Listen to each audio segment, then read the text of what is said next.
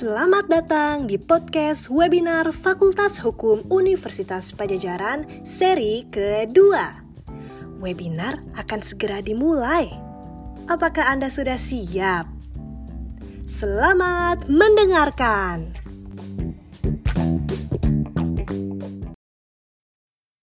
Assalamualaikum warahmatullahi wabarakatuh. Yang kami hormati Bapak, Ibu, dan rekan-rekan semua yang sudah bergabung dan terdaftar dalam kegiatan PPM Fakultas Hukum Universitas Pajajaran webinar seri kedua. Adapun tema webinar kita pada hari ini Jumat 14 Agustus 2020 adalah nilai-nilai ajaran Islam di masa normal dalam perspektif hukum nasional dan internasional. Sama saya sebagai moderator Helza Novalita yang insya Allah akan memandu acara ini hingga dua jam ke depan. Bapak Ibu dan rekan-rekan yang kami hormati, menarik sekali ya tema yang kita angkat pada webinar ini khususnya untuk kajian dan pengembangan ilmu hukum dengan mengangkat ajaran ajaran nilai Islam dalam pengembangan hukum nasional dan internasional khususnya di masa new normal saat ini. Sebagaimana kita ketahui bahwa Ajaran Islam yang bersifat rahmatan lil alamin bagi semesta alam tidak hanya terkait dengan kegiatan ibadah ritual semata, namun juga meliputi segenap aspek seluruh kehidupan manusia. Kita ketahui bahwa pengembangan konsep hukum yang berasal dari nilai-nilai ajaran Islam dalam praktiknya telah banyak mempengaruhi dan memberikan kontribusi yang positif, tidak hanya dari perspektif hukum nasional, tapi juga dalam perspektif hukum internasional. Sebagai salah satu yang saya kutip di dalam surat Al-Hujurat ayat 13 yang sangat populer dalam kajian hukum internasional, dikatakan bahwa, Hai manusia, sesungguhnya kami menciptakan kamu dari seorang laki-laki dan seorang perempuan, dan menjadikan kamu dari berbangsa-bangsa dan bersuku-suku, supaya kamu saling mengenal. Sesungguhnya orang yang paling mulia di antara kamu di sisi Allah dan orang yang paling takwa di antara kamu, sesungguhnya Allah maha mengetahui lagi maha mengenal. Surat Al-Hujurat ini mengandung prinsip-prinsip dasar dalam hukum internasional, baik itu prinsip persamaan, equality, persaudaraan, brotherhood, persahabatan, prinsip, dan bekerja sama, cooperation. Tentu saja ini pun tercantum dalam piagam PBB dan berbagai instrumen hukum internasional lainnya.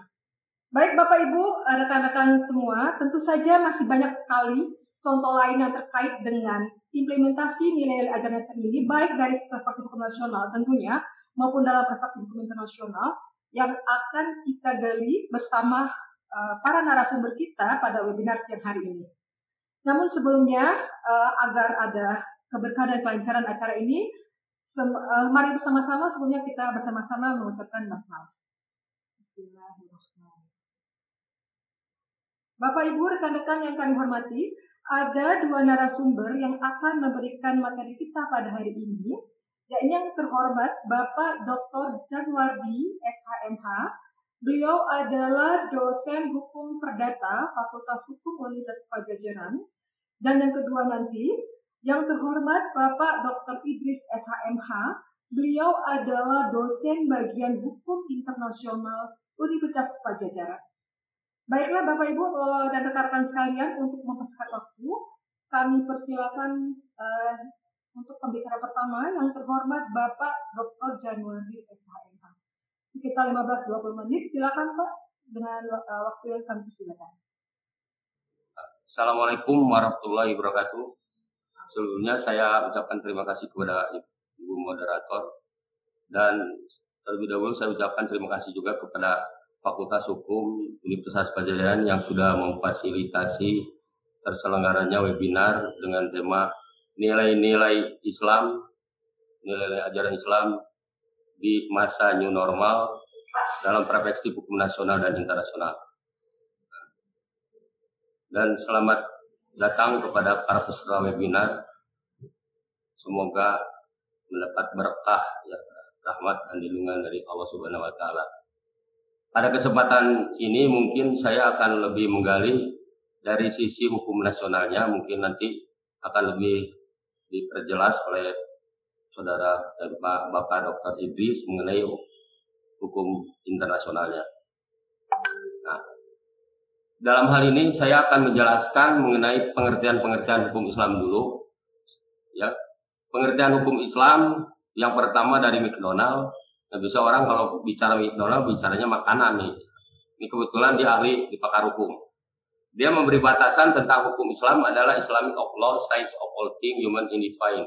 Artinya bahwa hukum Islam adalah keseluruhan ilmu pengetahuan yang membahas tentang ilmu ketuhanan dan kemanusiaan. Itu menurut McDonald. Kemudian selanjutnya menurut Hasbi Asidik mengatakan bahwa hukum Islam adalah koleksi daya upaya ahli hukum untuk menerapkan syariat atas kebutuhan masyarakat. Next. Selanjutnya. Nah, kemudian selanjutnya adalah dari ini kebetulan beliau adalah dosen guru besar dari Sunan Kalijaga anak buahnya Pak Hasbi Asidik yang tadi ya.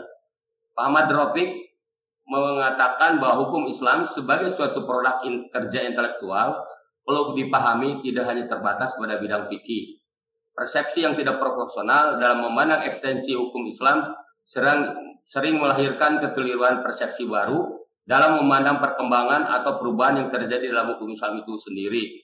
Selain fikih, setidaknya ada tiga produk pemikiran hukum Islam yaitu fatwa, keputusan pengadilan dan perundang-undangan. Nah itu menurut Pak Ahmad Rafiq. Jadi banyak orang yang salah tafsir kalau mengatakan hukum Islam itu hanya fikih itu yang salah uh, bukan berarti salah tapi kurang karena menurut Ahmad Rafiq hukum Islam itu sendiri ada penambahan yaitu namanya fatwa. Misalnya fatwa yang dikeluarkan MUI contohnya mengenai fatwa masalah riba ya masalah kartu kredit dan sebagainya. Kemudian yang keputusan pengadilan. Nah ini keputusan pengadilan.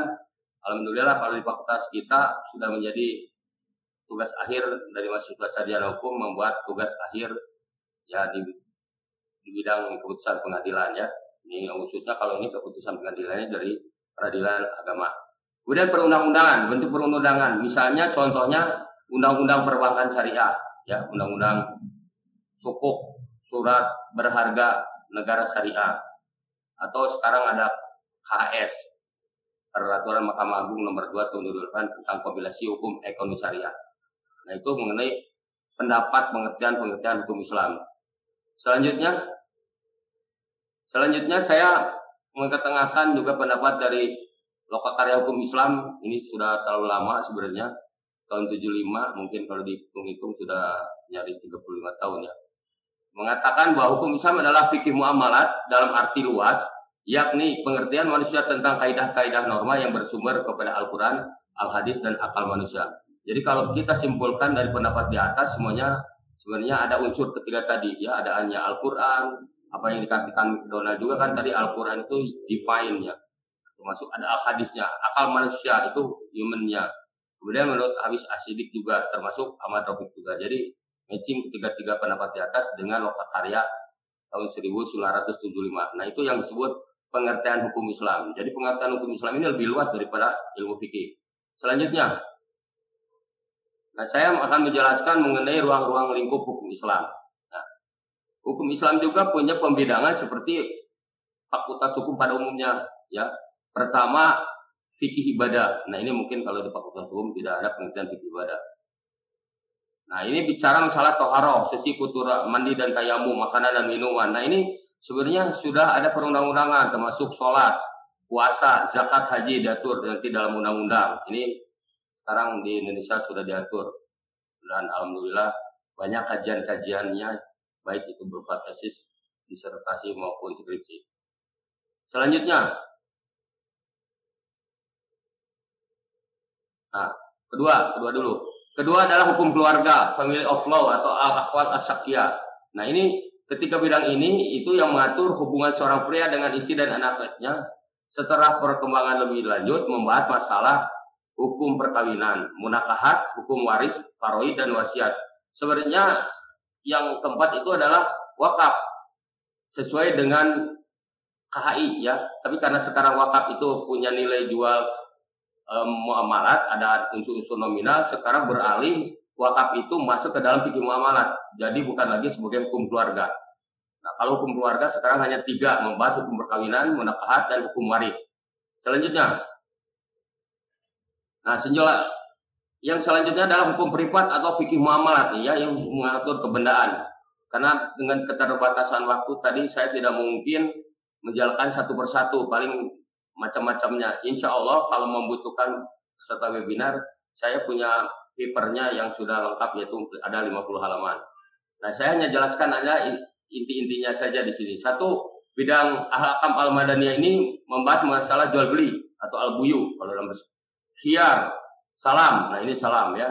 Jangan sampai juga kalau mungkin peserta webinar jangan salah persepsi. Saya pernah bikin soal dalam hukum Islam kepada mahasiswa saya, jelaskan pengertian di bawah ini salam. Eh ditulisnya assalamualaikum. Padahal bukan itu. Salam ini adalah bentuk dari jual beli ya. Jual beli yang tidak dilihat barangnya. Ya sekarang mungkin bermunculannya Bukalapak ya. Sekarang ada Lazada, Tokopedia dan sebagainya. Kemudian yang keempat dari Ahmadiyah ini adalah perseroan terbatas, union. Ya, ada serikat inan dan serikat kerja. Kemudian usako, karuan kebun, muzarah, mukabara. Ya, ini teori ini mungkin Pak Idris bisa ketemukan nih ketika kita kehilangan sifat dan digital, padahal itu kita punya bunnya ya. Padahal kalau kita kerjasama dengan Jepang, insya Allah tidak diberdayakan oleh manusia ya. Nah, kalau karena kata Allah ini harus diberdayakan. Ada musakoh, mujarah, mukabara ini berhubungan dengan kemutanan. Selanjutnya, ini perdata ini karena terlalu banyak soalnya. Izarah, saya menyewa. Jalah, mengembalikan. Al-kafalah, jaminan. Iwalah, ini kalau dalam, ini anjak hutang kalau dalam teori modern ya. Daman, hajru, ikran, berwakil, arya, pinjam meminjam, hibah, wadiah, kota. Nah, ihat ulmawat. Nah, ini nih. Ini sebenarnya teori nomor 20 ini kalau diterapkan dalam konsep tadi ya konsep sebadan digital insya Allah dan digital tidak akan kehilangan. Karena kata Allah di dalam konsepnya bahwa berdayakan tanah ber, tak bertuan ini hukumnya sunnah. Jadi kalau orang memberdayakan tanah tak bertuan itu berpahala. Sekarang ditelantarkan, makanya diberdayakan oleh negara lain. Jadilah diberikan kepada orang lain. Nah itu ya, itu menurut teori Ihyatul Mawad. Kemudian ada supah, paksaan, khasbu. Selanjutnya ya hukum dagang. Nah, Islam juga punya konsep hukum dagang ya. Nah, ini bisa Anda baca penjelasannya dalam fikih muamalat yang dikarang oleh Bapak Haji Hendi Suwendi. Ini kalau nggak salah kakak iparnya Ibu Rahminawati. Ya, dosen UIN Universitas Gunung Gunung Jati. Dia mengatakan bahwa muamalah sama dengan wazan artinya saling bertindak, saling berbuat, saling mengamalkan dan sebagainya. Selanjutnya perikatan Islam ya perikatan Islam ini merupakan seperangkat kaidah hukum yang bersumber dari Al-Quran, As-Sunnah, Al-Hadis, dan Ar-Ra'yu Istihad yang mengatur tentang hubungan antara dua orang atau lebih mengenai suatu benda yang dihalalkan menjadi objek suatu transaksi. Selanjutnya, nah ini masih bicara kita pikir muamalah nih. Gadai syariah, ya. Karena saya mengejar waktu, jadi bisa anda nanti baca ya. Dan ini sekarang alhamdulillah sudah diadopsi oleh negara ada perum gadai jadi perum gadai itu menggunakan dua konsep ada gadai konvensional dan gadai syariah. Selanjutnya asuransi syariah. Nah ini asuransi syariah juga alhamdulillah sudah ada ya. Contohnya asuransi yang diselenggarakan oleh asuransi takabul selanjutnya multi level marketing syariah. Nah ini yang banyak orang berpersepsi bahwa multi level itu salah. Padahal sebenarnya Nabi sendiri dalam berdakwah adalah multi level. Nah, sekarang multi level itu dipakai di dalam konsep bisnis. Nah, kalau multi multi level syariah contohnya yang diselenggarakan oleh PT Ahadnet oleh Malaysia ini ada unsur-unsur dakwahnya. Jadi tidak hanya sekedar bisnis, mereka mengkaji nilai-nilai dakwah dalam bisnis syariah itu tadi yang membedakan dengan multi marketing yang bersifat konvensional. Terus next. Nah, ruang lingkup hukum acara atau civil law ya. Jadi kalau bicara dalam konsep hukum modern, kita dikenal adanya konsep litigasi non litigasi, Islam juga sudah mengenal. Nah, kalau bicara konsep litigasi ada namanya fikih al-qadlaw ya. Fikih al-qadlaw itu adalah bicara di sini adalah agugatan dakwah. Makanya dakwah dakwah itu sebenarnya dakwaan itu berasal dari kata Arab dari istilah fikih al atau persaksian asyahadat ya. Nah, persoalan fikih al ini banyak sekali di bukunya dan ternyata alhamdulillah di Indonesia sudah ada peradilannya namanya peradilan agama. Nah, kalau di Aceh mungkin yang berbeda sendiri dari satu provinsi itu yang berbeda dengan yang lainnya ada di Aceh namanya Mahkamah Syariah. Ya. Kemudian yang notifikasi. Nah, notifikasi juga ada yang disebut sulhu atau perdamaian mediasi. Kita juga namanya punya namanya sulhu atau alibra. Kemudian ada yang namanya tahkim arbitrase syariah. Nah ini sudah ada di Indonesia semuanya dipraktekkan tahkim itu. Ada namanya Basharnas, Badan Arbitrasi Syariah dan Salat. Tapi mungkin bapak-bapak ibu setahu webinar jangan sampai salah menyebutkan Basarnas dan hilangnya ya ya. Karena Basarnas dengan Basharnas itu akan berbeda sekali. Basarnas itu adalah Badan SAR Nasional, kalau Basharnas Badan Arbitrasi Syariah Nasional. Yang asalnya dulu di Indonesia sejarahnya bernama Bamui, Badan Administrasi Muamalat Indonesia. Kemudian setelah berdiri sendiri menjadi Basarnas. Nah itu. Selanjutnya. Nah, kalau udah bicara ini, bidangnya Pak Soma nih, Pak Kadeknya kan Pak Soma. Bicara pidana Islam, orang selalu wah mencela Islam tuh sadis, katanya membunuh begini ini.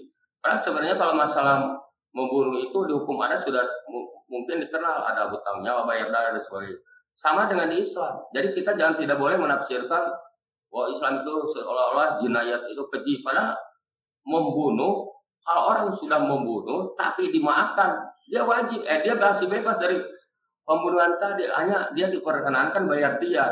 Bayar dia pun kalau tidak mampu bisa dialihkan. Contohnya kasusnya para TKW itu.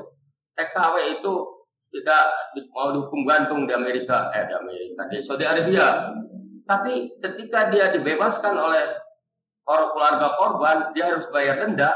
Dia tidak mampu. Nah, patungan waktu itu negara dan masyarakatnya membantu akhirnya dia lolos itu. Kebetulan dulu pembelanya itu eh, kenalan saya teman kuliah Pak Ibu Pananda. Ada kasus satu TKW yang dibebaskan. Nah itu yang disebut jinayat. Jadi jangan melihat seolah-olah kalau udah membunuh dibunuh. Karena banyak kasus lah. Seperti kasus eh, ada sahabat yang membunuh kemudian dimaafkan oleh Umar dan sebagainya ya. Nah, itu. Jadi tidak saklek bahwa Islam itu tidak kalau membunuh harus dibunuh, tidak. Tapi kalau dimaafkan berarti dia lolos. Nah, kemudian kita hudud. Nah ini masih dalam konsep pidana. Ialah hukum yang diberikan terhadap orang yang melakukan larangan berzina, mencuri, minuman keras, berjudi. Nah, kalau ini mungkin untuk pasal berjudi, mencuri, belum potong tangan, minuman keras, berjudi baru ini sudah dipraktekkan di Mahkamah Syariah ya, dicambuk nah itu hukumannya. Nah kalau bugot ini saya sudah katakan bahwa bugot itu adalah intinya adalah pemberontak muslim yang melawan pemerintahan sah. Nah, saya katakan bugot ini sekarang diperlebar jadi teroris saya sepakat tapi saudara saya banyak yang tidak sepakat nggak bisa Pak Januari teroris dengan bugot di persat nah kenapa tidak saya bilang karena sama-sama pemberontak justru jangan anggap bahwa bubat itu selalu yang memberontak itu orang Islam. Buktinya yang makar ada juga yang di luar Islam ya non Muslim nah itu makanya saya bilang bubat harus diperluas jadi undang-undang teroris. Kemudian rida, nah rida ini sama tapi tak persis dengan namanya murtad. Kalau murtad itu orang biasa keluar dari agama Islam. Kalau rida itu adalah orang yang keluar ngaku nabi tapi keluar dari agama Islam. Contohnya kasusnya Muhammad bin Sadek ya jadi kalau dia tidak tobat tiga kali, dia satu diberi peringatan untuk tobat. Itu lagi tobat. Nah, yang ketiganya dia harus digantung untuk merajam karena dia memperdakai soal memperdakai dengan agama. Nah, itu yang disebut hukum pidana Islam. Selanjutnya, hukum tata negara. Nah, ini bidangnya Bu Susi, Profesor Susi ya. Islam sudah mengenal teori ketatanegaraan. Negara pertama Ya saya katakan negara pertama di dunia karena lahir abad ke-7 adalah negara Madinah yang dikepalai presidennya oleh Nabi Muhammad. Ya, Anda bisa baca para peserta webinar bisa cari nanti di internet di adanya Piagam Madinah ya. Di mana Rasulullah punya membawahi 10 provinsi. Jadi ibu kotanya Madinah, ada provinsi Mekah, Al-Jannah, Yaman dan sebagainya. Ini saya punya tulisan judulnya Insya Allah saya lagi bukukan judulnya mengenai analisis bentuk pemerintahan, sistem pemerintahan dan bentuk negara eh, menurut membuat Rasulullah. Jadi artinya bahwa Islam juga sudah bicara ketatanegaraan di masa lalu ya, termasuk di Al-Quran pun juga ada. Kemudian yang selanjutnya adalah bidang hukum administrasi. Nah ini bidangnya Bu Dewi, Pak Zainal dan Pak Abi. Nah di Islam ada dua, ada hukum administrasi yang secara umum namanya al-fikul idari, ya, dan ada yang khusus namanya al-fikul mali, yaitu bidang keuangan. Nah contohnya sekarang bermunculan lembaga keuangan syariah, ya, ada perbankan syariah, ya, makanya muncullah OJK dalam bidang keuangan syariah. Nah itu masuk dalam hukum administrasi Ikul Mali. Kalau administrasi yang umum tadi adalah Ikul Idari. Selanjutnya, next. Nah, ini yang akan saya hanya jelaskan sedikit saja. Ini hukum internasional. Jadi di Islam juga mengenal namanya fikul dauli, hukum internasional atau international. Ini ada dua, ada hukum perdata internasional, yaitu kumpulan aturan yang menentukan hukum mana yang berlaku di antara dua sistem hukum atau lebih apabila terdapat unsur asing dalam persoalan hukum tersebut.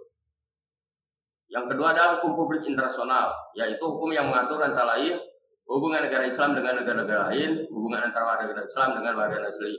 Nah, hubungan negara Muslim mayoritas sekarang dengan munculnya organisasi konferensi Islam atau disebut OIC. Nah, ini bermunculan ya. Nah, ini mungkin hukum internasional secara detail akan dijelaskan oleh Pak Idris ya.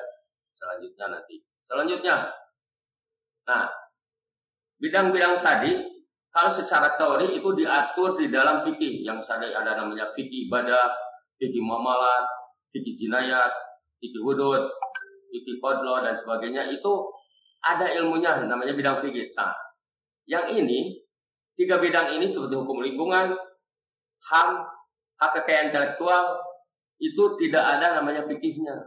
Ya, tapi saya sudah bertanya kepada Profesor Jajuli, ini kebetulan beliau ini adalah e, guru besar Universitas Islam Negeri Sunan Gunung Jati, saudaranya Pak Koko di kita.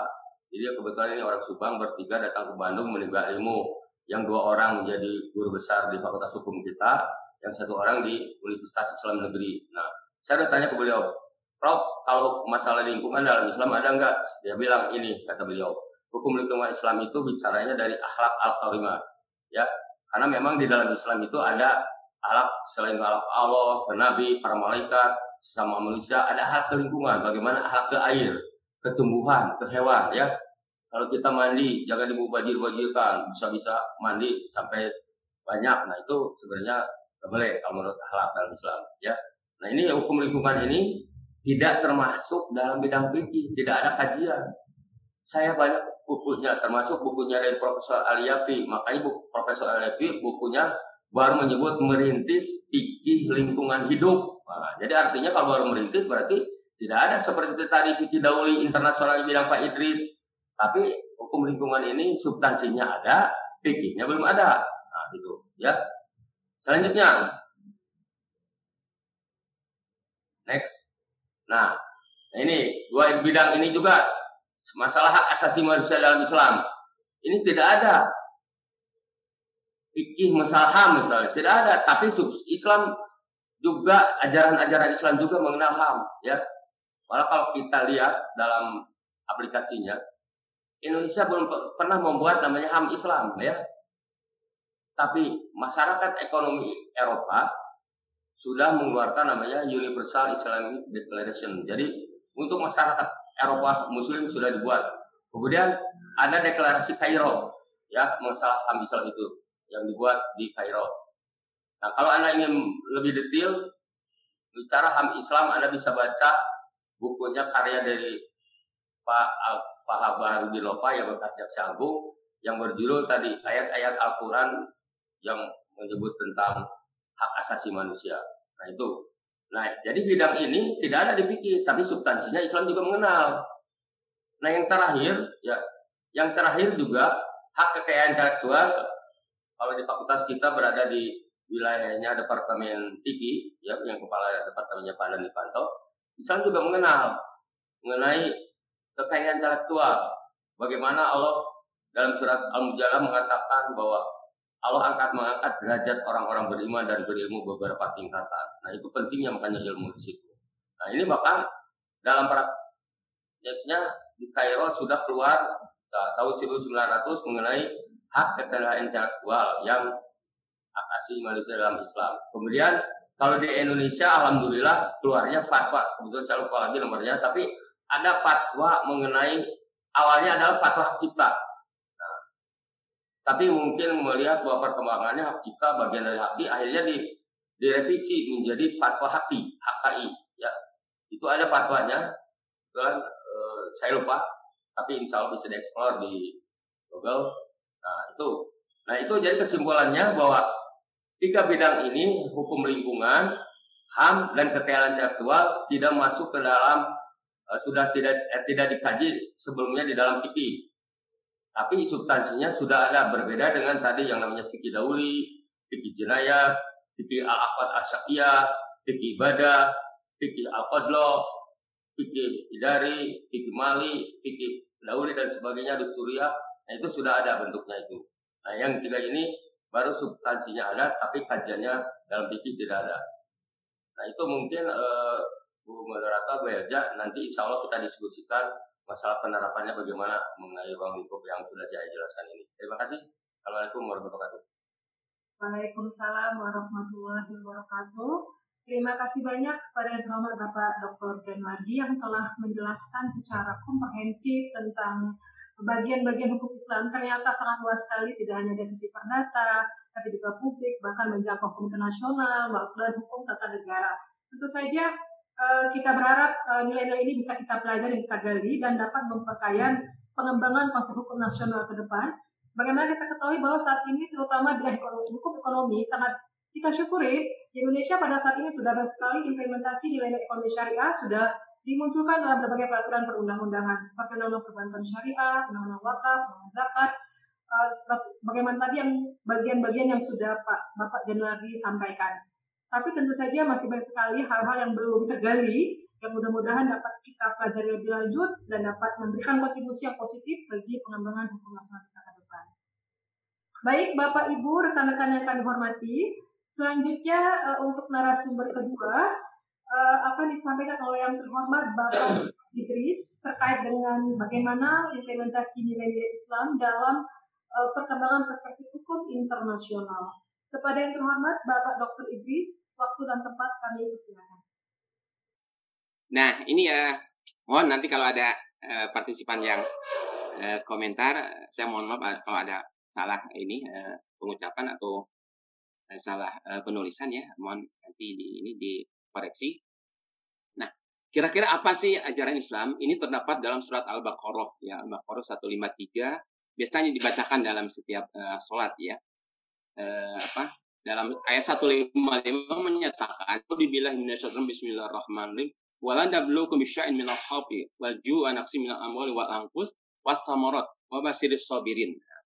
Memang eh, eh, apa bahwa eh, kekurangan, kelaparan, ketakutan itu atas izinnya tuh ya. Kekuasaannya. Kehilangan jiwa itu kematian itu atas atas kehendaknya. Jadi eh, kita kita memang menerima gitu, menerima tapi terus akan berusaha gitu ya. Jadi memang eh, bagi kita bagi umat Islam tentu penolongnya adalah ya itu tadi sabar dan sholat ya itu saya pikir ya ya ludah amanus na'anu bisabi wassalam asabirin jadi Allah akan bersama orang-orang sabar gitu ya. Berikutnya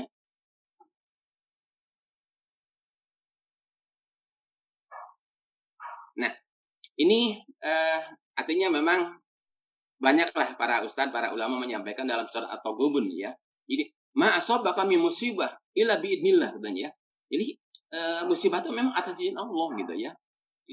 Jadi, atas izin Allah. Jadi, jangankan COVID-19 ini ya, yang yang begitu uh, masif, uh, ada hadis yang menyatakan sehelai daun jatuh pun itu kehendaknya gitu ya kehendaknya jadi uh, musibah ini adalah uh, memang atas izin Allah tapi tentu bagi barang saya yang beriman saya dia akan memberikan petunjuk ya petunjuknya nanti mungkin siapa tahu ada ada vaksin produk dalam negeri gitu ya produk bangsa sendiri itu yang kita nantikan mungkin dengan dengan ini ada hikmahnya itu mungkin sekarang para ahli akan akan apa terus mengkaji supaya nanti ada vaksin produk dalam negeri yang bisa ya yang bisa mencegah uh, uh, virus ini. Berikutnya. Nah, surat An-Nisa 79 jadi uh, memang ini banyak bisa aja debatable ya. Karena dalam surat An-Nisa menyatakan ma'asobak min hasanati pamin Allah. Jadi apa yang peroleh berupa kebaikan, berupa nikmat, itu datang dari Allah gitu ya. Tapi sebaliknya man asobaka min sainati paminan nafsika katanya. Tapi kalau berupa kesalahan itu datang dari dirimu, dari kita ya, dari kita semua. Mungkin kita salah gitu ya. Salah kata Ebit, kita harus banyak bertanya kepada rumput yang bergoyang gitu ya. Artinya tanya tanya kepada diri kita sendiri bahwa kita memang banyak salah, banyak dosa. Wa ma arsalna kalinnas rasula ya wa kafa bila syahida ya. Jadi eh, ini anggap saja kultum ya nanti banyak ini. Jadi memang Allah sudah mengutus bagi manusia untuk seorang rasul. Cukup Allah sebagai saksi. Nah, Asyura ayat 30 menyatakan wa ma asabaka min musibah fa bima kasabat aydikum wa yaquluna kasiran. Jadi musibah yang kita terima ini akibat tangan-tangan kita ya. Jadi mengapa banjir, longsor apa? Mungkin kita hilap ya, e, merusak alam segala macam. Jadi ini ini itu nilai-nilainya ya, nilai-nilainya, nilai ajaran Islam yang apa terkait dengan uh, musibah penyakit menular ya. Walaupun kita lihat uh, ke, dalam keadaan normal mungkin negara-negara maju itu sudah banyak menerapkan nilai-nilai Islam, kebersihan, keamanan, ya, ketertiban, toleransi segala macam. Jadi nilai-nilai Islam pun tetap uh, ada gitu ya, baik dalam keadaan normal uh, dan sekarang dalam keadaan normal baru. Ya. Bagaimana kita bersikap ya? Berikutnya, nah ini sebenarnya eh, katakanlah main point ya dari eh, apa dosen hukum internasional yang selama ini belajar. Nah, kalau kita rujuk kepada Al-Qur'an memang surat Al-Hujurat ini dasar hukum eh, hukum internasional. Jadi ya ayuhan nas katanya, hai hey manusia, inna khalaqnakum min dzakari wa unsa katanya. Bahwa kami kata Allah telah menciptakan manusia ya, min dzakari wa unsa laki dan perempuan sama saja sebenarnya ya. Jadi sebenarnya sama ininya hak asasinya ya. Waja'alna makum subah wa qabaila li ta'arufu katanya ya. Jadi kami jadikan juga bang, berbangsa-bangsa bersusuku. Jadi itu sudah naluri gitu ya. Ada 194 negara. Ada negara tapi belum menjadi anggota PBB itu itu sebenarnya Tuhan sendiri yang menciptakan. Kami jadikan bersuku-suku berbangsa-bangsa untuk apa? Li ta'arufu untuk saling kenal mengenal, untuk saling berhubungan, hubungan diplomatik, konsuler, perdagangan, pelayaran segala macam itu adalah ini intinya itu ya. Tapi inna akumakum indal atqakum inallahu alipun habir. Jadi ini memang ayat ini asbabunnya adalah ketika Nabi eh, melakukan putul Mekah dan disambut sangat histeris, sangat gembira oleh masyarakat Quraisy waktu itu. Dan Nabi menyuruh orang yang budak gitu ya yang dikenal dengan Bilal bin Rabah itu ya. Jadi Bilal Bilal eh, bin Rabah itu dia punya suara bagus sehingga Nabi menyuruh ya adan. Ya adan menyuruh adan waktu itu asal gitu adan. Dan orang Quraisy ya agak protes itu kenapa e, seorang hamba yang hamba sahaya yang tidak berarti engkau begitu muliakan. Nah Nabi menjawab e, tentu menjawabnya turun wahyu ya. Turun wahyu yang menyatakan bahwa Nabi tidak melihat siapa manusia itu apakah orang kaya orang miskin apa jenderal apa presiden. Tapi yang penting inna akum lakum minal kami nilai takwanya. Ini sejalan nanti dengan bunyi uh, bunyi ketika haji haji wada itu ya. Jadi uh, Islam tidak memandang Arab non Arab ya, putih atau hitam. Itu relevan dengan hadis ini. Jadi surat Al-Hujurat dengan hadis lain itu sangat relevan yang mencerminkan ya itu dasar-dasar hukum internasional. Nah, tapi ini bisa bisa berubah ya, bisa berbeda karena kan banyak ahli hukum internasional. Tapi saya juga ini ambil dari uh, beberapa referensi termasuk Prof. Saifullah ya eh, guru kita di uh, Fakultas Pendidikan. Berikutnya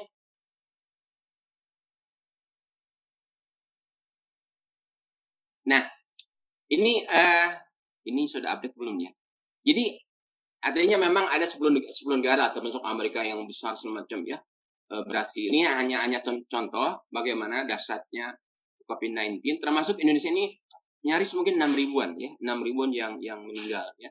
6 ribuan yang meninggal yang apa eh, yang positifnya sekitar 132.800 ya yang meninggal 5.469 mungkin 6 ribuan sekarang yang sembuh 87.559 ini maksudnya begini bahwa tentu ini ada ada ahlinya ya ada ahlinya. Saya pikir tadi uh, siapa uh, apa kita harus memakai masker segala macam sebagai upaya gitu ya uh, jaga jarak ini. Uh, kita ikutin gitu kita uh, ikutin arahan pemerintah. Dan kenapa ini begitu banyak ya jadi korban? Nah kalau kita tidak disiplin segala macam apa akan akan terus membiarkan. Nah jadi karena Allah pun Tuhan pun tetap bahwa uh, penyakit itu ada obatnya. Dan obatnya ya kita akan cari mungkin ya nanti produk sendiri vaksin produk sendiri yang tentu itu bangga menjadi buatan produk Indonesia. Dan insya Allah mungkin dalam waktu yang uh, terlalu, tidak terlalu lama Indonesia berhasil membuat vaksin. Berikutnya. Nah jadi uh, kan uh, kemarin sempat ramai ya apa lockdown PSBB selama saya berpandangan ya lockdown itu adalah ajaran Islam. Ajaran Islam. Jadi uh, ini kan ketika Abu eh, ketika Umar ya, ketika Umar sedang melakukan kunjungan, biasakan nama presiden melakukan kunjungan kerja ke Sam ya. Di tengah perjalanan di sebuah desa namanya desa Sarabi ya.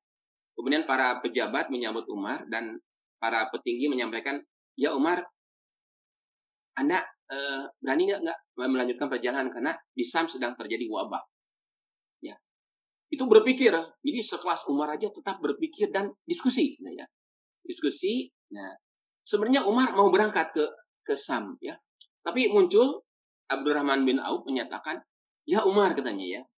"Saya ingat akan adanya sebuah hadis." Nah, ini sebuah hadis ya yang menyatakan atau una ayatul rijya Allah aja wajalla. Kemudian menyatakan eh, wa ida samitum bihi katanya wala tadhulu alaih katanya. Jadi kalau terjadi taun wabah ya sama saya pikir baik itu sekarang COVID-19 ya mungkin dulu flu uh, burung eh flu ya Spanyol uh, MERS segala macam itu adalah kategori taun ya. Jadi kalau ada sebuah ada taun di sebuah desa di sebuah wilayah wala tadhuluna alaih jangan kalian masuk. Nah, jadi jangan kalian memasuki ya. Jangan kalian kalau ida wakwa ya biar biar diwangtum biha fala tafariku minhu. Tapi kalau wabah itu terjadi di lokasimu, di lokasi kalian, maka kalian jangan pergi. Ini terus terang ini indah ini pelajaran ini, ya indah. Dan itu diterapkan oleh negara-negara sekarang. Jadi kata Pak Januari bilang bahwa e, baginda Nabi adalah presiden pertama, negara pertama di Madinah. Dan itu tahun 600-an. Ya. Dan sudah ada namanya lockdown, SBB, isolasi, karantina, work from home, belajar daring, stay at home, ini bahasa saya aja. Itu saya meyakini adalah sesuai dengan ajaran Islam. Ya. Jadi eh, sekarang PSBB Jakarta PSBB terus macam. Sekarang mungkin bagi sebagian termasuk Bandung, Jawa Barat ada AKB ya. Adaptasi keadaan baru. Tapi tetap menurut saya pola-pola itu ada. Jadi eh, eh, mengingatkan sudah mengingatkan dalam hadis bahwa memang lockdown itu dikenal jadi ini terus terang ya, luar biasa. Nah, termasuk juga nilai-nilai dalam AKB ini, dalam new normal ini adalah termasuk usaha. Usahanya itu tadi mengkol kesehatan. Ya, 3M. Ya, memakai masker, menjaga jarak, mencuci tangan. Saya pikir sebenarnya ini biasa sebenarnya dalam dalam agama Islam itu kan e, harus cuci tangan sebelum makan, apalagi wudhu, segala macamnya sudah sudah biasa ya sudah biasa. Bahkan masker mungkin mohon maaf kalau ada yang sedikit tersinggung bahwa wanita-wanita sebenarnya bukan bukan ajaran lebih kepada budaya.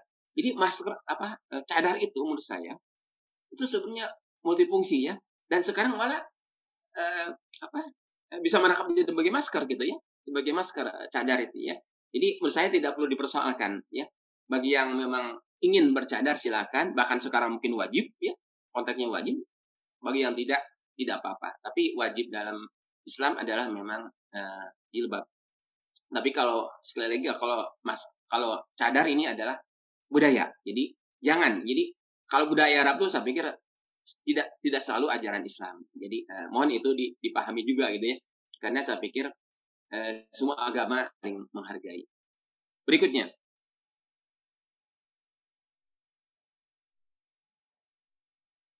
Nah, Nah ini ternyata uh, Bapak Ibu dan hadirin uh, partisipan, ternyata memang ada ahli sosiologi dari, dari Inggris kalau salah, Dr. Greg Considine ya. Jadi dia mengutip. Jadi memang uh, saya pikir saya mungkin bisa juga dari nanti dari agama lainnya nggak apa-apa saya pikir kalau ada pendapat ya bahwa the Prophet Muhammad advised quarantining content deadly outbreak. Jadi bagi Nabi Muhammad itu memberikan nasihat untuk karantina. Jadi karantina ya, isolasi itu ajaran Islam itu. Ini terus terang luar biasa gitu ya. Jadi if you hear an break of plague in a land katanya, do not enter it. Persis bahasa hadis ya. Apabila kalian mendengar melihat sebuah wabah, jangan memasuki. Dan apabila wabah itu terjadi di daerahmu segala macam, maka kalian jangan pergi ke mana-mana ya. Jangan pergi ke mana-mana aja. Di sana gitu ya. Nah, jadi itulah ini tepat dengan hadis al-konteks uh, COVID-19. Berikutnya. Nah, jadi uh, ini juga persis ya menyambung dengan lockdown, dengan PSBB, dengan karantina, dengan AKB, bahwa memang benar anjuran pemerintah itu bahwa yang sakit itu jangan disatukan dengan yang sehat gitu ya. Jadi eh, yang sakit ya sakit, makanya masuk ke rumah sakit, masuk ke apa ke rumah-rumah eh, ini apa tuh di wisma atlet segala macam gitu ya. Yang sehat ya kita eh, di rumah lah, di rumah kalaupun kegiatan di alam-alam terbuka mungkin ya supaya lebih lebih ini. Nah, dan nah itu itu ketentuan agama gitu, bukan hanya pemerintah gitu ya. Nabi bersabda tidak ada penyakit yang menular kecuali izinnya. Jadi memang betul izin ya. Jadi Uh, tapi uh, semacam kusta COVID ya. Jadi ketika ada kusta, ada COVID, maka kalian harus menjauh ya. Seperti katanya, seperti Anda lari ya. Wafirro minal majmumi kama tafiro minal asadi. Jadi harus lari seperti kita dikejar uh, singa, kejar harimau. Ya, satu singa sebenarnya. Dikejar hari singa ya. Kita dikejar anjing aja lari ya, uh, apalagi dikejar uh, singa. Jadi kita harus lari dari dari wabah gitu. Artinya mencari tempat yang aman di rumah. Nah itu saya pikir ini luar biasa ini ya ajaran ini ya saya pikir uh, tidak menutup komen nanti bagi saudara saya yang punya pandangan lain di luar Islam sangat mungkin ya. Nah, bagi Nabi menyatakan tidaklah Allah menurunkan penyakitnya melainkan juga obatnya. Jadi ma'anjalallah dan untuk penyakit ila anjalallahu syifaan. Jadi Allah menurunkan penyakit sekaligus obatnya. Nah, tentu bertanya, ada nggak obatnya? Nah, saya pikir semua negara sekarang sedang memacu ya untuk mencari vaksin. Dan saya berharap, semua masyarakat berharap bangsa Indonesia yang diberkahi luar biasa dengan orang banyak orang yang hebat, ya, dengan sumber. Saya pikir dulu kan sempat ramai juga jamu itu juga uh, punya punya khasiat juga gitu ya. Nah sekarang kita berharap vaksin ini kita uh, muncul dari bangsa kita sendiri. Kita bangga pada produk dalam negerinya. Saya pikir masyarakat Indonesia sedang sedang menunggu vaksin produk made in Indonesia. Nah itu saya pikir tentu semuanya lah ini semua harapan vaksin produk Indonesia. Berikutnya. Nah, jadi tentu kita simpati ya. Ini belum terpotong kita simpati ya kepada para uh, dokter ya, para perawat ya, kita sekarang setiap saat berdoa ya. Jadi ini tentu ada usaha, ada doa itu ya. Allahumma ini a'udzubika minal barosi wal jununi wal junami asum. Jadi emang ini doa setiap kita. Berikutnya Nah, ini uh, sama dengan doa yang tadi ya, artinya bagaimana kita menghidup samping usaha pakai masker dan macam, kita juga berdoa. Saya pikir dalam konteks agama lain juga pasti ada ya, ada doa, tapi bagi muslim ini berdoa supaya kita terhindar dari wabah penyakit ya dari kusta segala macam dan itu dan kita juga tetap beristirahat. Berikutnya, nah ini uh, mungkin ini bisa pro kontra ya. Beberapa tahun 2016 ada deklarasi UNESCO ya. Jadi tadi mungkin uh, ajaran Islam dalam ininya dalam apa dalam COVID-19 nah sekarang saya baru sebenarnya baru menginjak ke substansinya. Jadi ada ada deklarasi 2016 ini pro kontra memang apakah benar tidak ya. Tapi uh, kalaupun salah, uh, kami ya saya punya pandangan bahwa memang Islam itu adalah selamat ya, damai ya. Jadi bagi Nabi Muhammad itu untuk seluruh umat manusia dan perdamaian dunia ya. Jadi jangan melihat kalau kasus-kasus terorisme ISIS itu ada bukan ajaran Islam ya bukan ya kriminal silakan diadili gitu ditangkap. Nah jadi ayat-ayat ajaran Islam ini memang rahmatul alamin suka lebih suka perdamaian tidak ada larangan untuk berbuat baik adil dan tugas-tugas Nabi lainnya. Berikutnya. Nah ini deklarasi ya. Ini memang sebuah kajian setelah enam bulan ada ada ada perwakilan dari sebuah semacam apa semacam LSM ya bahwa memang eh, apa Islam is the most peaceful religion ya. Islam agama paling eh, agama perdamaian ya. Tapi saya pikir meyakini semua juga ada agama tuh eh, apa eh, eh, ingin damai ingin damai ya. Jadi eh, saya tuh berharap eh, AKB ini ya new normal ini berharap damai gitu ya. Kita semua damai jangan lagi perang gitu ya. Bermusuhan di, di, dikurangin di, bahkan diakhiri gitu ya. Karena eh, apa percuma dong new normal tapi masih terus menggunakan senjata segala ya. Berikutnya. Nah jadi eh, ini memang ayat yang sangat terkenal bagi eh, seorang muslim ya. Al-Anbiya 107 wa ma arsalaka ila alamin. Jadi memang uh, ini, ini memang tafsirnya luas ya, tapi saya baca salah satu tafsirnya adalah memang bahwa baginda Nabi itu diutus untuk semua umat manusia, ya, umat, umat manusia untuk memberikan rahmat, ya, untuk rahmat dan uh, era Nabi Muhammad itu dijauhkan dari bencana-bencana yang yang diturunkan pada zaman Nabi-Nabi sebelumnya, ya. Nah itu uh, konteks umumnya, tapi dalam konteks internal ada sebenarnya arti yang memang itu dibahas dalam konteks internal internalnya. Tapi kalau dalam konteks umum, bahwa baginda Nabi itu adalah untuk rahmat bagi semua umat manusia, ya, tidak hanya umat Islam tapi seluruhnya. Berikutnya, nah, eh, tanpa 61 menyatakan wa ing janahu lisalmi katanya. Jadi kalau cenderung damai, maka fajnah lah, terimalah gitu ya, terimalah. Wa tawakkal Allah innahu wasamiul alim. Jadi kalau apa eh, katakanlah ya memang perang sekarang masih terjadi. Kalau pihak musuh mengajak damai, damai, ya, damai. Memang ini dalam konteks eh, tentang ayat ini turunnya ketika Hudaybiyah ya. Jadi ketika Nabi akan melakukan umrah tahun 6 Hijriah, kemudian dicegat oleh kaum Quraisy dan mereka menyiapkan pasukan untuk menyerang Nabi ya. Tapi Nabi sabar waktu itu pada para sahabatnya kita tunggu. Ternyata eh, Nabi uh, melakukan diplomasi melalui putusan Utsman bin Affan dan berhasil. Nah, jadi diplomasi pun tetap bagian ajaran Islam. Berhasil kita damai. Nah, dan mereka menawarkan damai. Nabi tentu menunggu uh, wahyu dan wahyu datang. Kalau mereka damai, terima. Nah, jadi kalau sudah cenderung damai, ya terima. Nah, jadi ini lebih kepada damaian. Berikutnya. Nah, sama juga ya bahwa memang kita berbuat baik itu untuk semua, untuk semua ya, untuk semua. Tidak tidak melihat ras segala macam ya. Jadi apa yang terjadi di Amerika ya eh, sangat sangat rasis. Saya pikir itu bertentangan dengan semua agama ya. Dalam dengan khusus dengan Islam sangat bertentangan. Tidak boleh. Kita harus memperlakukan semua itu dengan adil, dengan adil ya. Karena memang Nabi Muhammad itu diutus sebagai rahmat, bukan sebagai kutukan, ya, melainkan sebagai rahmat. Ya. Bahwa wahai manusia, aku ini adalah memang rahmat yang dihadiahkan. Jadi memang baginda Nabi itu Muhammad ya. Nabi Isa pandangan Islam adalah Nabi yang ke-24 yang dalam Al-Quran menyatakan bahwa setelahku akan datang ya Muhammad, maka terimalah. Itu ada dalam salah satu surat ya. Itu Nabi Isa bagi pandangan kami. Tapi kalau ada pandangan lain, saya pikir kita saling menghargai. Berikutnya.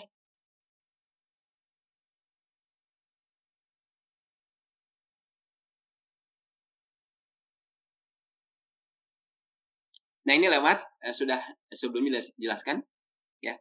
Nah eh, ini lewat juga sudah ya. Eh, nah ini saya pikir sama sudah. Jadi agama untuk semua manusia, kesehatan keadilan, saling menghormati, menghargai karakter lokal, kedaulatan negara, bekerja sama dalam membangun peradaban dunia yang baik. Berikutnya.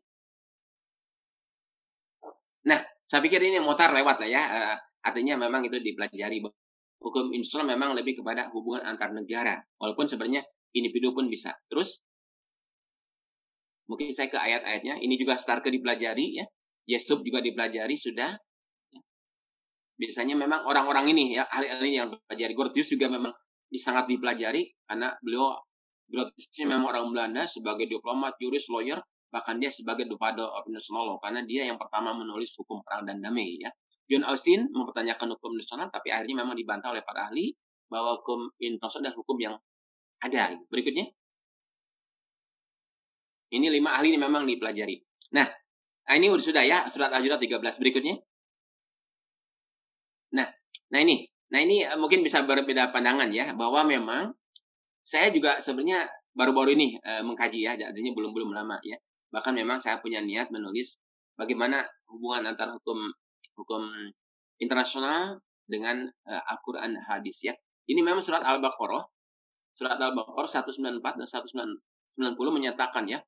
Jadi eh wa qatilu fi sabilillahil ladina yuqatilunakum wala ta'tadu innallaha yuhibbul mu'tadin. Jadi sebenarnya katakanlah eh, normal lah ya sebagai manusia. Jadi eh, silakan Anda serang balik gitu ya, serang balik kalau ada serangan dari dari luar gitu. Tapi wala tatadu ya, wala tadu jangan berlebihan. Jangan melampaui apa yang diterima oleh kalian gitu. Innallaha yuhibbul mu'tadin. Allah tidak suka kepada orang yang melebihi. Nah, jadi uh, tidak tidak suka kepada orang yang berlebihan. Nah, satu uh, Al-Baqarah 190 dipertegas lagi Al-Baqarah 194 di pertengahan ininya ayatnya ya. Ada paman tak ada alaikum ya. Pak tadu alaihi mimisli katanya. Mak tadu alaikum watakullah wa'lamu anallaha ma'al muttaqin. Jadi bahwa memang silakan Anda diberikan kewenangan untuk e, membalas ya. Tapi sesuai ya artinya kalau e, yang kita terima adalah hanya sekedar apa e, ketopel gitu, ketopel ya, bandring gitu ya. Ya dibanding lagi silakan gitu ya. Nah, jadi memang tidak boleh sebenarnya apa e, ketopel ya, misalnya dalam konteks ini Palestina ya, tentu saya sangat ini Palestina, masyarakat Palestina, rakyat Palestina itu kan kadang-kadang hanya lempar batu, Nah sebaiknya dibalasnya dengan lempar batu lagi gitu, bukan oleh oleh peluru-peluru kendali. Nah itu yang ya, intinya memang akhirnya sekarang ini saatnya ya semua negara untuk fokus untuk fokus bagaimana mencari solusi dalam menangani COVID. Jadi sudahlah eh, aneksasi ilegal penguasaan sebaiknya di, di, di, diberhentikan. Nah, saya menilai ya uh, pasal uh, Al-Baqarah 190 dan 190 ini sesuai dengan pasal 51 ya piagam PBB. Ya. Ada kata-kata di sini kan, nothing in the present charter shall impair the inherent right of individual or collective self-defense. Jadi uh, tidak ada aturan dalam piagam ini ya artinya mencegah hak hak inherent hak hak hak inti gitu ya hak uh, pribadi ya atau hak kolektif. Jadi apabila ada serangan yang menerima ya yang ada serangan kepada kalian kepada negara maka uh, kalian bisa membalas ya membalas ya dalam konteks menjaga perdamaian. Nah, tindakan-tindakan membalas tersebut oleh anggota ya itu yang dikenal right of self defense. Artinya eh, hak untuk mempertahankan jadi eh, bela diri lah ya. Kan saya pikir normal lah ya. Kalau kita dipukul orang kita bela diri kan artinya tapi jangan membahas berlebihan gitu ya. Jangan membahas berlebihan. Jangan ada misalnya kita sedang, sedang jalan tiba-tiba ada yang memukul ya tentu kalau bisa menghindar. Kalau Anda merasa tidak aman ya lari ya. Tapi kalau ternyata e, dia nyerang dua kali ya sebaiknya ditahan ya. Tapi Anda jangan mengeluarkan pistol misalnya ya. E, pistol jangan. Harus kecuali kalau sesama. Jadi e, inilah sebenarnya nilai-nilai e, agama ya.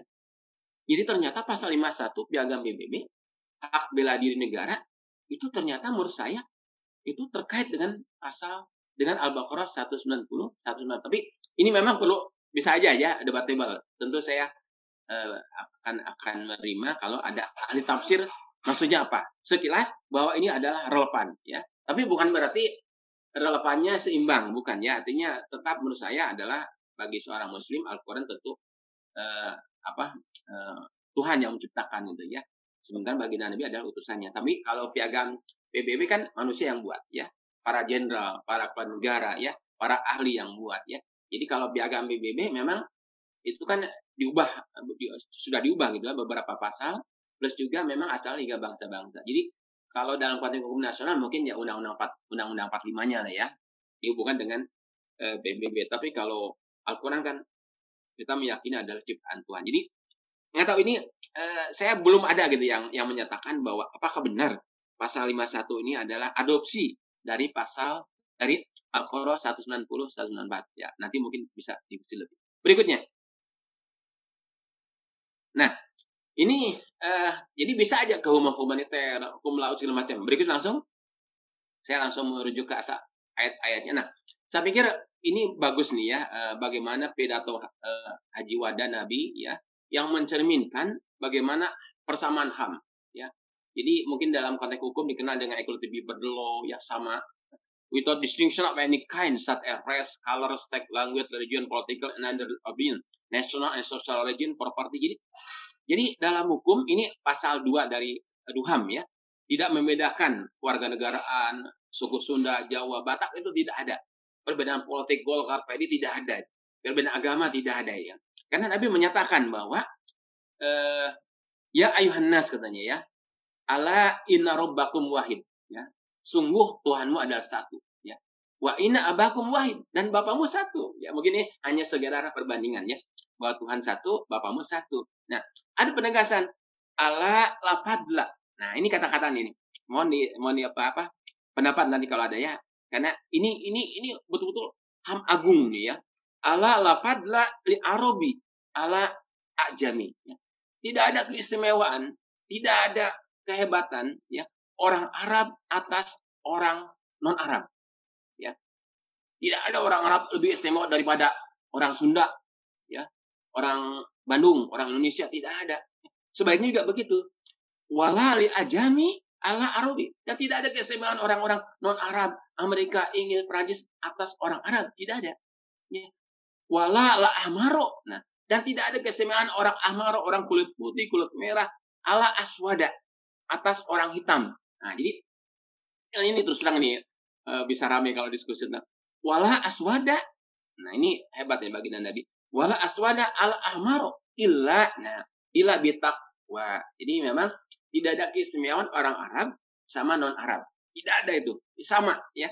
Orang Arab yang tinggi besar, yang kaya, raja minyak, itu sama posisinya dengan orang Sunda, orang Jawa, orang Batak macam sama. Nah, orang kulit putih Amerika tidak. Jadi makanya begitu ada kulit hitam di di apa di dihukum oleh polisi sampai meninggal dan saya pikir jelas lah itu berlebihan ya dengan menukik lehernya beberapa 10 menit dia meninggal dong ya. Dan itu mencerminkan mana kulit putih merasa merasa uh, dominan.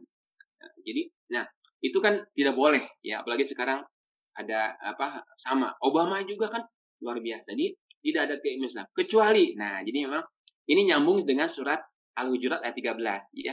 Ya inna akum nakum indal atkokum illa bitakwa kecuali takwanya. Nah jadi mau dia hamba sahaya, kalau rajin sholat bagi muslim mungkin ya, rajin baca Quran, sholawat, segala macam, itu jauh lebih bernilai daripada orang kaya yang hanya pekerjaannya misalnya menyuruh, tunjuk-tunjuk, bahkan mungkin orang kaya bisa jadi korupsi misalnya ya.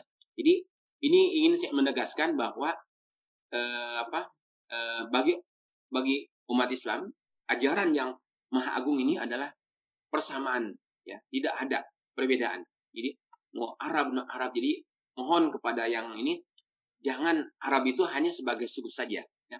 Amerika, Inggris, semacam Sunda, Jawa, Batak sama saja. Ya. Sama saja. Mungkin kita Pak John tadi di kelas menyamak apa mau melakukan sama. Nah, yang bagus nilainya tentu dapat A, siapa pun dia itu ya. Kalau yang rajin segala macam, tapi kalau dia jarang jarang masuk, malas segala macam ya tentu eh, apa nilainya akan lebih jelek ya. Dan itu mencerminkan keadilan. Selanjutnya,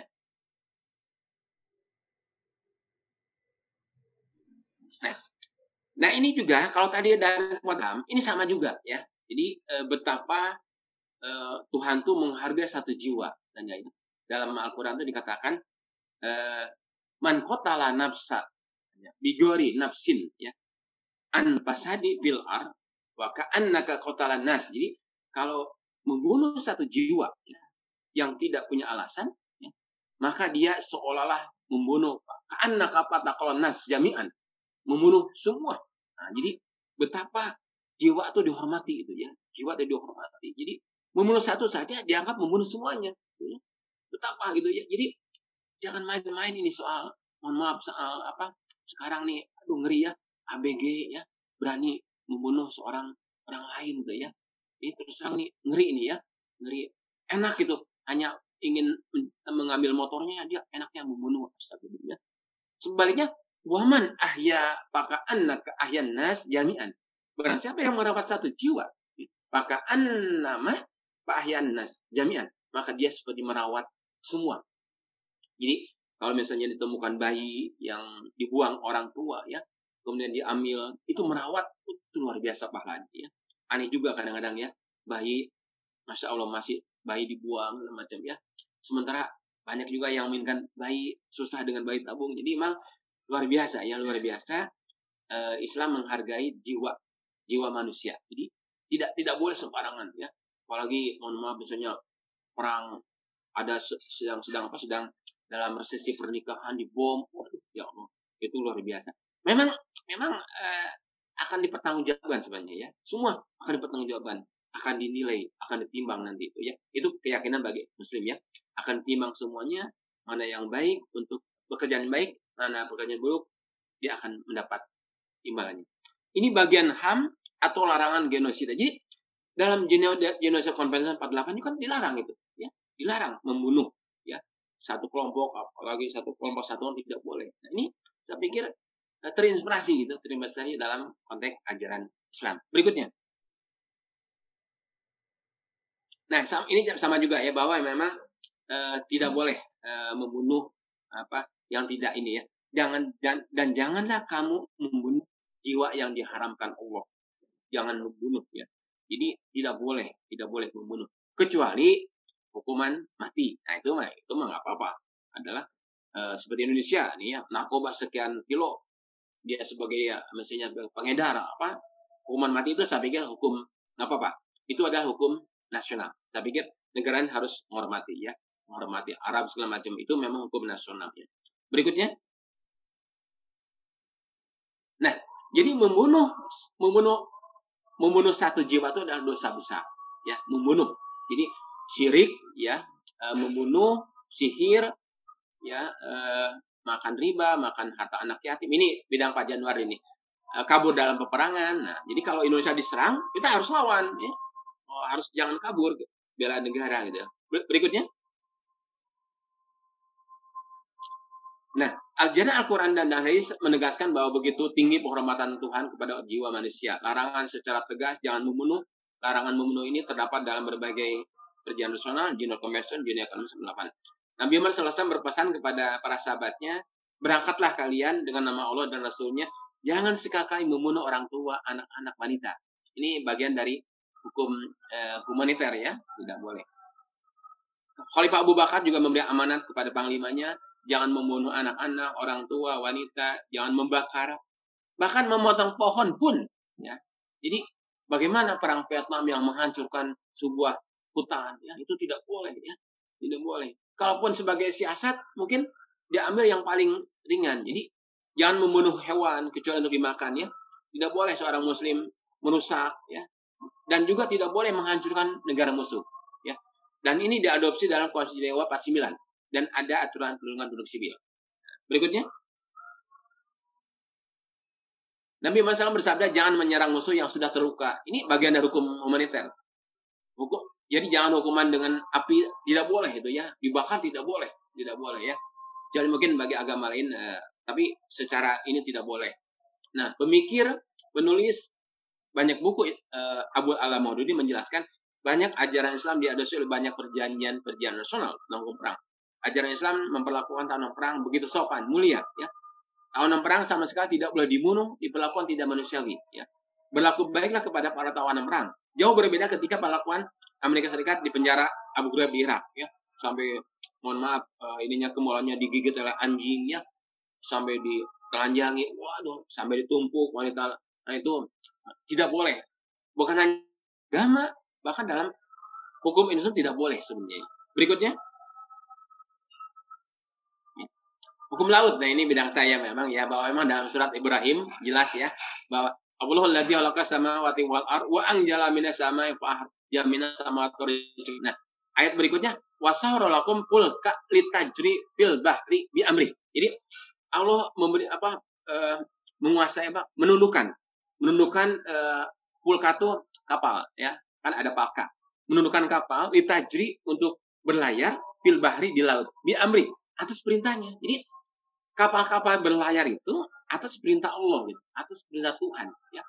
Karena kalau Allah tidak menolaknya mungkin bisa juga dibalikan. Jadi itu adalah kekuasaan Tuhan ya.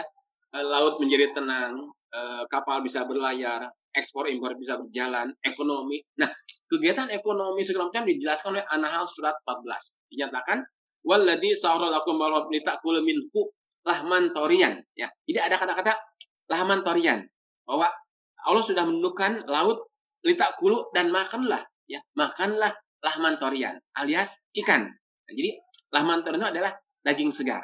Jadi di laut itu banyak daging segar yaitu ikan. Silakan bahkan dalam hadis lain uh, air laut itu ada suci dan uh, dan binatangnya halal ya anjing laut itu suci ya gajah laut segala macam tapi uh, apa lebih baik di, dirawat ya terutama ikan-ikan adalah memang halal ya kemudian torian ya. Uh, laman torian ikan.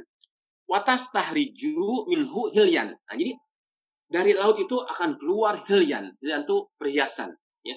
Perhiasan uh, apa uh, minyak dan gas, ya BBM, ya. Semua ada di laut, ya. Dan itu para ahli, uh, mohon maaf banyak yang menyatakan syahadat setelah memang uh, mengakui kebenaran Al-Quran. Bahkan dalam surat apa dinyatakan bahwa di, di dasar laut itu ada gunung gunung api, gitu, ya. Dan di sana ada kegelapan yang menyimpan uh, sumber kekayaan. Nah, jadi mohon maaf uh, Pak, untuk kritis waktunya lima menit lagi Pak. Ya, uh, uh, lanjut. Hukum udara nanti ini sebenarnya surat Ar-Rahman jelas ya. Ya masul jini wal insi nasatun angtang kudu bil ardo emeng atau sama wati wal Jadi memang silakan uh, kuasai ruang angkasa tapi dengan kemampuan. Lanjut. Nah ini sama hukum sebenarnya lingkungan juga bahwa memang Allah ciptakan ya eh, apa eh, hamparan bumi segala macam dan silakan yang baik ya. Bahkan Allah menciptakan waladhi jami'a ya, bahwa Allah menciptakan bumi ini untuk dikelola, untuk dimakmurkan. Lanjut. Sama surat Al-Isra bagaimana manusia dimulakan Allah, silakan kuasai laut, kuasai darat ya. Jadi apa? Itu Ankus 82 dalam pasal 5657 pasal 60 bahwa negara pantai bisa membangun pulau-pulau buatan. Ini Al-Isra 70 gitu ya. Arum sebaliknya dohar pasal fil bari wal bari ya Aidina jadi telah tampak kerusakan oleh akibat. Nah, jadi memang uh, sekarang urut sampah plastik segala macam. Nah, jadi silahkan dirawat, silahkan dijaga. Selanjutnya, Al-Baqarah sama bahwa memang SDGs ya. Ini memang bagaimana kisah Nabi Musa memberikan air kepada dua, 12 kelompok. Ya, jadi, uh, pukullah batu itu dengan tokatmu ya Musa. Kemudian keluar 12 12 air. Mengapa 12? Karena ketika itu Bani Israel ada 12 suku, ya. Dan Nabi Musa punya hubungan baik. Nah, jadi namanya SDGs itu kan ada sosial, ada ekonomi, ada lingkungan, ya. Jadi lingkungannya nanti di sini jangan kata ada kata-kata gini. Eh, apa kata-kata? Wala wala tasawna fil ardi mufsidin. Janganlah kalian berkeliaran di muka bumi dengan merusak. Nah, ini kan aspek ekonomi, sosial dengan ekologi, ya. Itu SDGs, ya, SDGs. Kemudian surat Hud juga bahwa kata-katanya huwa angstakum minal ardi wastakmarukum fiha. Jadi manusia diciptakan oleh Allah dan sekaligus sebagai pemakmurnya. Ini kita harus memakmur uh, bumi, merawat gitu ya. Selanjutnya.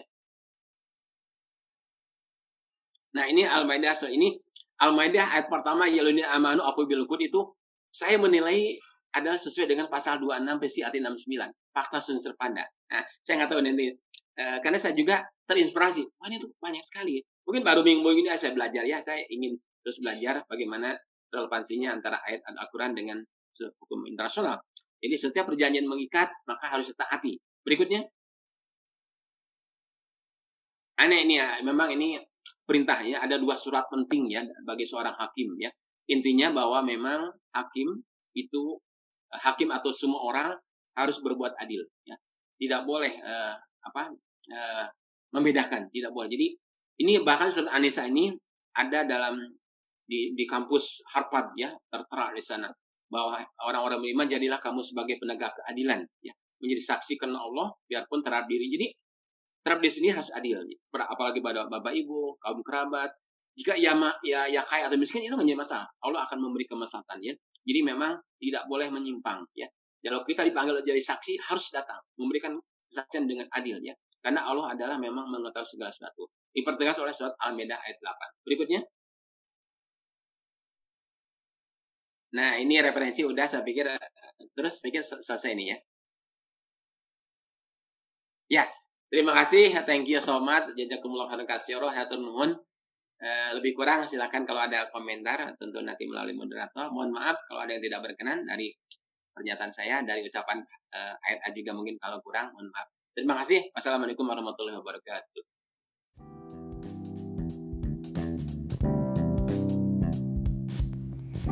Terima kasih telah mendengarkan podcast ini. Sampai jumpa di episode berikutnya.